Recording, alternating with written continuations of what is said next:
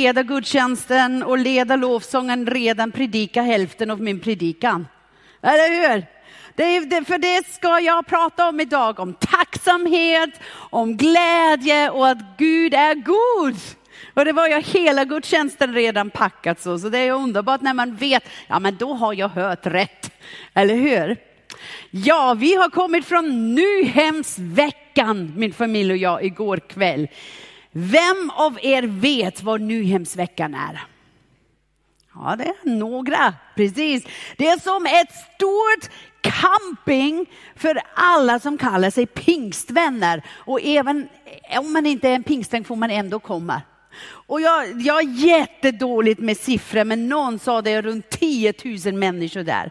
Och det märker man när man behöver gå på toan, kan jag säga. Ja, eller när man står i kö för att köpa lite mat. Då står man, men då måste man ju prata med folk, så det är ju trevligt för man träffar ju människor. Och så var det skönt väder, det gjorde det ju också trevligt. Ett midsommar utan regn. Ha, eller hur? Men jag vet ju, vi i Sverige, det var lite för varmt, eller hur? Det finns bara vissa grader som man accepterar. det är så, men vi får vara tacksam för allt. Vet ni, jag, på Nyhemsveckan där finns gudstjänster och bibelstudium och samtalsgrupper och, och, eh, och mission mycket och mycket om att man bara kan ta en workshop och lära sig någonting om dit och det. Alltså hela tiden och man måste inte vara med, men man vill vara med för det händer så mycket. Och jag fick vara med och tjäna som förbedjare. Och jag tror nu har de kommit att betjäna över 5000 människor som kom till förbön i den här veckan. Första helgen, då var det ungdomshelg. 4 000 ungdomar var där och där betjänade vi 1700 ungdomar som kom för att de ville ha en möte med Jesus. Och det tycker jag är det allra bästa med den här veckan. Så Nästa år, vecka 25, kan du vara med, för det är varje år nuhemsveckan. Men jag vet, är man inte uppvuxen som svensk, då har man det lite svårt med camping. För mig, som har nu en husvagn, det känns att jag flyttar ut i ett utedass med kök. Så jag är jättetacksam när jag kommer hem Jättetacksam för min toa utan kö, för min vatten som ger mig varmt vatten längre än fyra minuter, för min kök som är lite större och allt ryms. Alltså det är ju helt underbart, då märker man hur tacksam man kan vara, eller hur? Och det är ju det som jag vill predika om idag, tacksamhet och glädje. Att vara tacksam, att tacka Gud. Och det lär vi av våra barn, eller hur? Varje gång vi, vi ska äta så vill vi säga tack. Och jag kommer ihåg en gång när vi satt som familj och plötsligt, vi har redan börjat äta, så säger ett barn, jag vet inte vem det var, med, med, med stora ögon, vi har inte bett. Och det var nästan så i hennes uttryck, nu kommer vi dö. Nu är maten förgiftad. Någonting händer om vi inte ber. Och det var jag en av de andra syskon som säger, vad tror du nu vad som kommer att hända? Att vi alla dör eller vad? Gud kommer inte förgifta vår mat om vi inte tackar. Nej, men då, då började vi att förklara att det är inte det att vi tackar Gud för maten så att han beskyddar oss när mamma serverar grönsaker. Det, här, det, här inte, det gäller inte det. Men det är en attityd som vi vill ha. Att det som vi får, att vi är tacksam för det. Att vi är medvetna om att vi har det bra. Och särskilt i vårt land, att vi har det bra. Att vi har frid. Att vi har frihet. Att vi har mat, att vi har ett tak över huvudet. Att vi kan gå till en läkare. Att vi kan gå till skolan. Att vi kan ha en utbildning. Alltså det finns så många saker som vi ska vara tacksam för. Och jag tänker att ibland, då skulle vi försöka varenda, nej inte, vi försöker en dag i alla fall. Vakna upp och säga idag vill jag tacka för allt som kommer att ske. Åh, oh, tack för mina kläder. Tack att jag får välja vad jag har på mig idag. Och tack för tandborsten. Tack för tandkrämen, att jag inte behöver borsta med salt eller med någonting annat. Tack för vattenkran som jag kan öppna och det kommer rent vatten. Alltså, tänk, kan du försöka en dag under den här sommarsemestern att allt du gör, ser det, tack Herre, ja tack för det. Allt som vi tycker är så självklart att vi kan tacka för det. För det är så mycket, så mycket som vi kan tacka Gud för, eller hur? Eller hur? Behöver jag tacka för allt? Allt som händer? Också kanske de saker som jag inte behöver och ändå händer de. Eller de saker som jag egentligen ville gärna tacka nej till, men de finns fortfarande i mitt liv. Behöver jag verkligen tacka för det också? Det står faktiskt i Bibeln en vers, eller två verser, jag behövde tugga på dem lite grann, jag vet inte. Men inte så en tuggan som, mm, nom, nom, mer en tuggan, ja, verkligen. Du vet, man kan tugga på verserna tycker jag. Det är i första Thessalonikabrevet 5, 16 och 17. Då står det nämligen så här. Var alltid glada. Be utan uppehåll. Och tacka Gud i allt. Detta är Guds vilja med er i Kristus Jesus. Okej, okay. hur kan vi ta oss igenom de här verserna? Och jag tänkte, okej okay, Gud, skulle du inte ha gjort det lite, lite lättare för oss? Typ så här. Försök att vara glada minst en gång per dag. Be när du har tid och det passar in i ditt schema. Och hitta någonting dagligen som du kan vara tacksam för. Och om det är svårt så räcker det en gång i veckan. Det, det skulle vi ju säga amen till, eller hur? Det, det, det kan vi kanske om vi tänker på det. Men nej, Gud är jättedirekt, jättespecifik och han utmanar oss till var alltid glada, be utan uppehåll och tacka Gud i allt. Detta är Guds vilja med er i Kristus Jesus. Så tänkte jag vidare, vill Gud att vi är hycklare. Vill Gud lära oss att vara perfekta skådespelare som hela livet bara låtsas att vara glad, tacksam för allt och hela tiden, ni vet så här. Vill Gud det? Nej, absolut vill han inte det. För, och ingen av oss kan vara det, för vi är människor och vi går genom livets faser och tuffa tider och, och ledsna tider. Och ingen av oss kan säga att vi har ett liv som är så perfekt att vi är alltid glada. Eller finns det någon här? Nej, välkomna till livet. Så är det. Ah, okej okay, Gud, hur tar vi oss nu genom de här verserna? Kom ihåg, vad var det sista som stod i den här verserna? Detta är Guds vilja med er i Kristus Jesus. Detta är inte Guds vilja med er i dig själv, i vad du kan, i hur ditt liv ser ut, men i Jesus Kristus. Och här ligger nyckeln för allt. Det är inte du eller jag som måste producera en viss känsla eller träna oss på ett visst beteende. Men det är för dig och mig som har hittat livet i och med Jesus. Och därför finns det en hemlighet som vi kan få del av. Så betyder alltid glad och alltid glädje. Att du alltid går runt med ett leende i ansiktet och dansande steg. och syndar mot Gud, om du någonsin känner dig ledsen eller deprimerad eller upprörd eller, eller bedrövad. Uh -uh. Om alltid glädje innebär att, att vi behöver vara alltid positivt och aldrig känna sorg så har vi ett stort problem. Vet ni varför? För varken Jesus eller Paulus var alltid glada. Det kan vi läsa i Bibeln. Vi kan läsa i Bibeln hur Jesus grät, att han var ledsen, att han var arg och irriterad. Och vi kan också läsa att Paulus hade massor och alla möjliga känslor.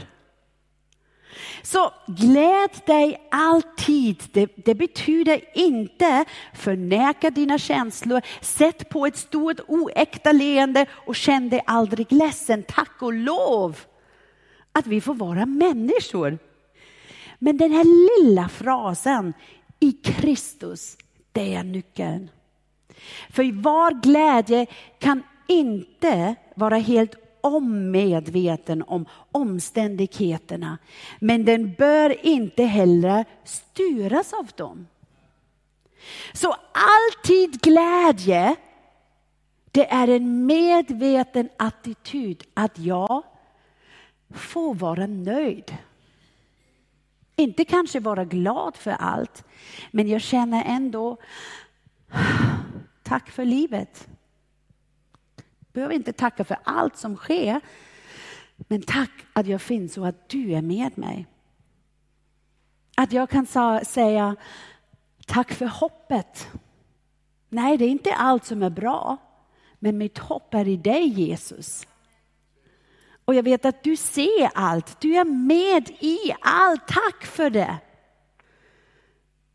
Och att jag kan även säga, jag vill leva i glädje.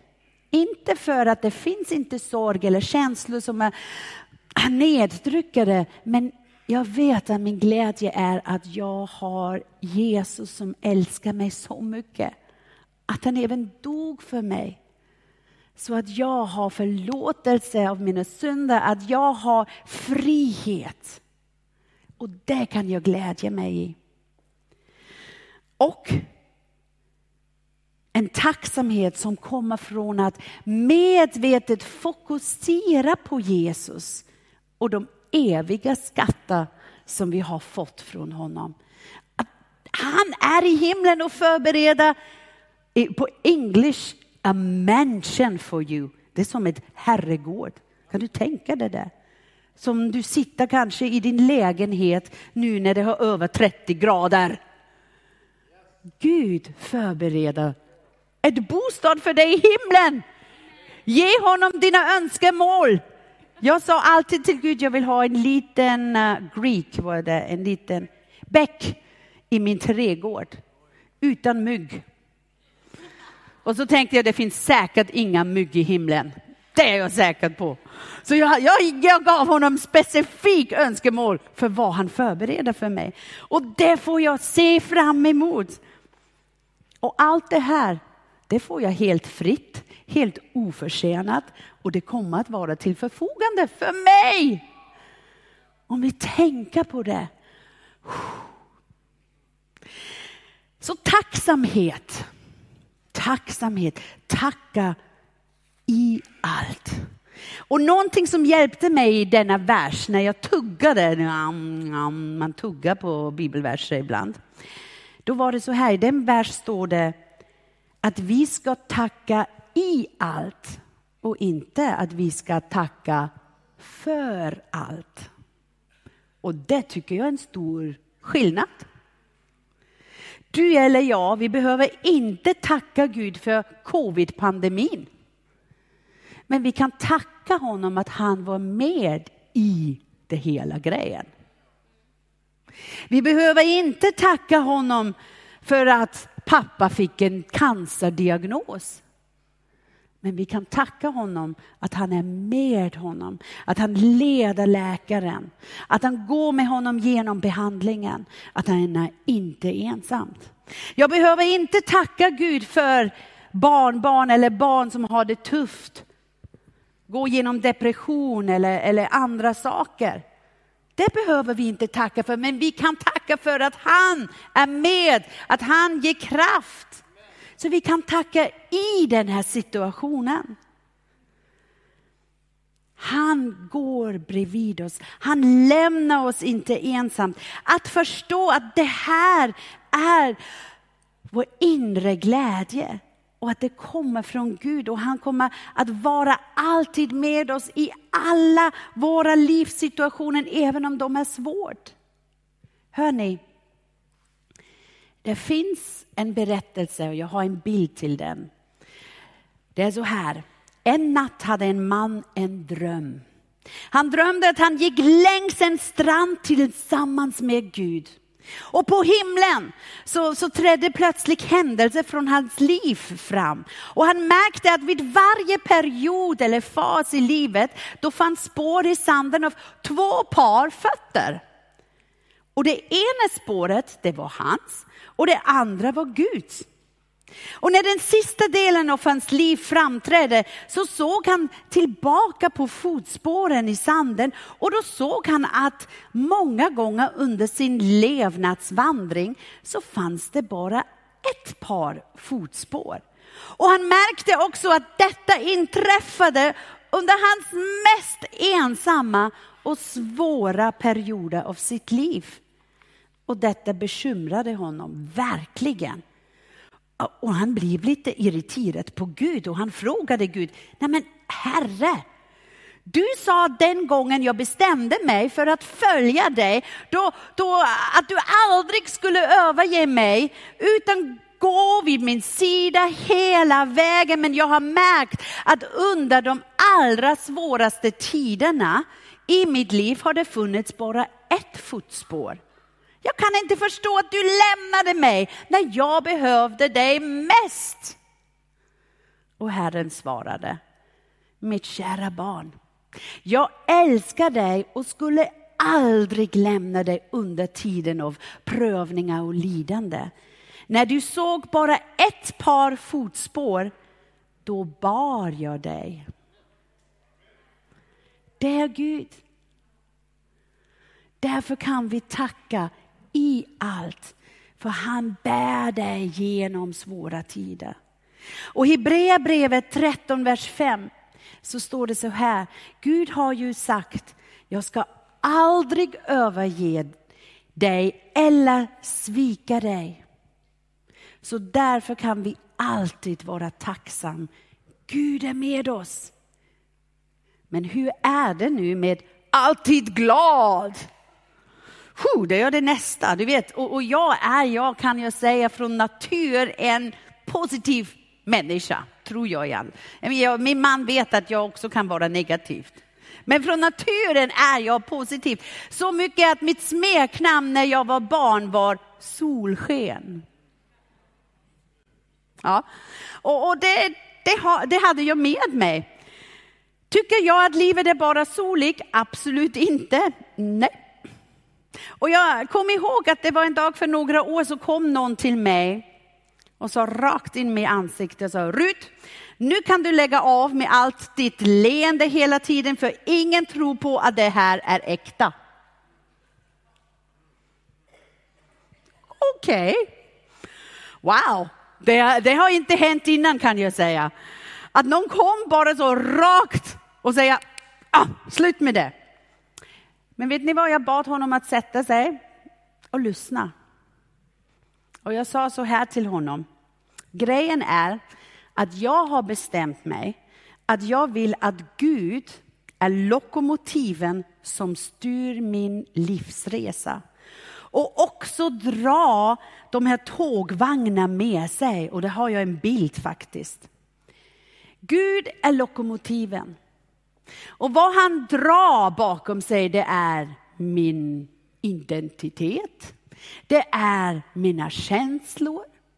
Och det är mina visioner eller mina drömmar om livet. Men det är han som kör min livståg. Det är han som är motor för mitt liv. För grejen är så här, vänder vi det om och vi ändrar det så som i nästa bild. Jag vill absolut inte ha det. att känslor ska styra mitt livsresa. Eller att min identitet ska bestämma vad jag ska dit. Och Gud kommer någonstans där bak. Då märker jag ganska tydligt, då går det snett i mitt liv. För jag vill att mina känslor, min identitet, mina visioner och drömmar om, om mitt liv, de ska underordna sig Gud. Och Gud ska leda mig, för då är det trygg. Då vet jag också när Gud leder, då ser han mina känslor och han kan hjälpa mig med dem. Då vet jag när jag känner mig osäker i mig själv, då kan jag säga Gud ta mitt liv och min identitet. Ge mig trygghet i vem jag är i dig. Då går det bättre. Och även mina visioner och mina drömmar. Det är så lätt att man har drömmar och så blir man så besviken när de inte blir av. Men tänk att jag kan säga Gud, ge mig dina drömmar för mitt liv. För då vet jag, styr du mitt livståg och min livsresa, då styr du mig mot dem. Så jag berättade för honom att min glädje kommer verkligen enbart från att jag har tillit till han som styr min livsresa. Och att jag kan känna mig så trygg i det. Och därför kan jag le Även om det finns saker i mitt liv som är inte lätt att hantera. Även om jag kämpar med en autoimmunsjukdom och därför behöver jag ta medicin varenda dag. Och har jag bett om att Gud ska hela mig? Ja. Har han gjort det? Nej. Men det var tufft. Det var en tuff resa när vår yngsta dotter föddes.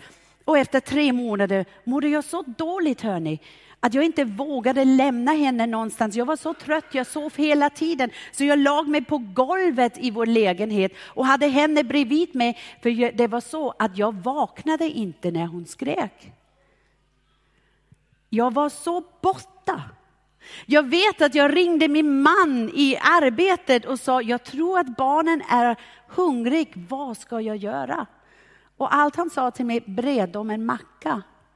Men jag behövde någon som sa det till mig, för jag kunde inte göra det av mig själv. Men ändå visste jag, okej, okay, Gud är med mig i den här fasen. Och jag var så tacksam att han ledde mig då till en doktor efter flera månader som kunde hjälpa mig. Och jag vet, det, efter jag har tagit medicin för sex veckor så plötsligt en, en morning, en, må, tack, en morgon vaknade jag och jag tror att jag är tillbaka. Men Gud har inte helat mig. Det finns fortfarande ibland faser där den här sjukdomen kommer och jag har en inflammation i hela kroppen. Men Gud är med mig och jag kan le, för jag vet att han är med mig. Jag vet att han är min glädje. Det är inte mina omständigheter som är min glädje. Jag kan le även om alla mina fastrar hade cancer. Två av dem dog redan. Och den här cancerbeskeden, den finns i min familj hela tiden. Jag kan le för jag vet att det är Gud som håller oss i sin hand. Och det är någonting som jag kan bestämma mig för. Vet ni, det är också inte lätt att leva i ett land utan sin, utan sin familj. Jag skulle jättegärna att mina barn uppväxer med mormor och morfar med mustar som är jättekola. Och jag, ibland tycker jag det är tufft att jag inte har det. Men jag är ändå glad över hur mitt liv är. Det var inte lätt att komma till en nytt kultur och plötsligt ska man lära ett nytt språk, lära sig känna små grodorna så att man är med på midsommar. Sådana saker, så tänka förstå det att vuxna människor springer runt en midsommarstång så här. Alltså det finns saker. Allt det nya, allt det som känns lite främmande. Men Gud hjälpa i alla situationer. Gud styr mitt livs tåg. Mina känslor behöver följa. Gud styr mitt liv. Mina visioner får följa. Gud styr mitt liv och min identitet, den ligger i honom och den följer honom. Den ligger inte i ett kön, den ligger inte i ett sexualitet. Min identitet ligger i vem jag är i Kristus. Men ibland så behöver jag dagligen överlåta mig till Gud och säga, okej okay, Gud, igår hade jag en känsloutbrott. Men idag, då sätter jag de här vagnarna i rätt ordning igen. Idag vill jag att det inte händer, men att du styr. Ibland måste man göra det. Ibland måste man ha den här överlåtelsen på nytt. Och då vet jag också, ah, tack Herre, tack att jag är människa. Tack att jag gör fel men du hjälper mig att göra rätt. Tack att jag behöver inte vara perfekt men att jag får lära. Att jag får lära att bli bättre. Tack att du är i mitt liv och att jag inte är ansvarig för det helt själv. Det gör mig glad, hallå. Det gör mig oerhört glad. Och därför, och det sa jag till den personen, och därför är mitt leende äkta. In your face. Och det här med alltid be. Alltid be. Alltså du vet, jag är uppvuxen i en pingstförsamling. Och jag älskade faktiskt bönemötena redan som barn. Och jag vet att jag var ibland de, e, den enda under typ 30 som var med i en bönemöte. Men vet ni varför? För vi tyckte ibland att de gamla hade så härliga bön. Vet, vi, vi hade en, en äldre man. Han bad för alla församlingar och husgrupper eller smågrupper i hela Österrike. Det fanns en lista, vi hade ett magasin som kom varje månad och han bad genom alla utan till. Men han, han glömde alltid något. Så visste han att han glömde någonting men inte vad. Och så var jag den som gick genom listan och ropade ut Schwarzach! Och ja, Schwarzach! Och så visste han han saknade en till och jag tittade. Det var lite grann som en quizshow när jag var på bönemöten, att jag kunde hjälpa honom. Och så var det också en andra, jag, alltså det var så roligt, jag tyckte det var roligt att vara där. Och var det totalt uttråkade, då tog jag jag Bibeln och läste Rut eller Höga visan, när jag var lite äldre. Eller jag tog segertoner och, och tyckte att eh, de här eh, texterna var lite roligt. Så, men jag trivdes i bönemötena. Men man hade ändå lite den här känslan, okej, okay, måste man gå på knä för att be hela tiden? För det gjorde vi också, vi, vi, vi var på knä när vi bad. Och är det det som vad Gud menar, att man hela tiden ska be så här? Men det är ju inte det som, som, som vi ska göra. Men det, det står faktiskt i första Korinthierbrevet 1, 30-31. Tack vare honom är ni i Kristus Jesus.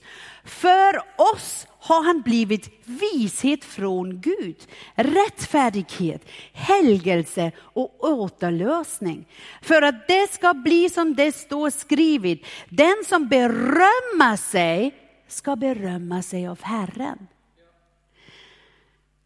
Där finns hur vi ska be. För det är inte, att be är inte enbart att sitta på dina knä och be för saker. Att be är också att berömma Gud. Och om man tänker, hur kan jag göra det varenda dag i mitt liv? Det är att tacka honom. Det är att berömma honom. Det är att säga, jag är glad i Kristus. Det är att berömma honom.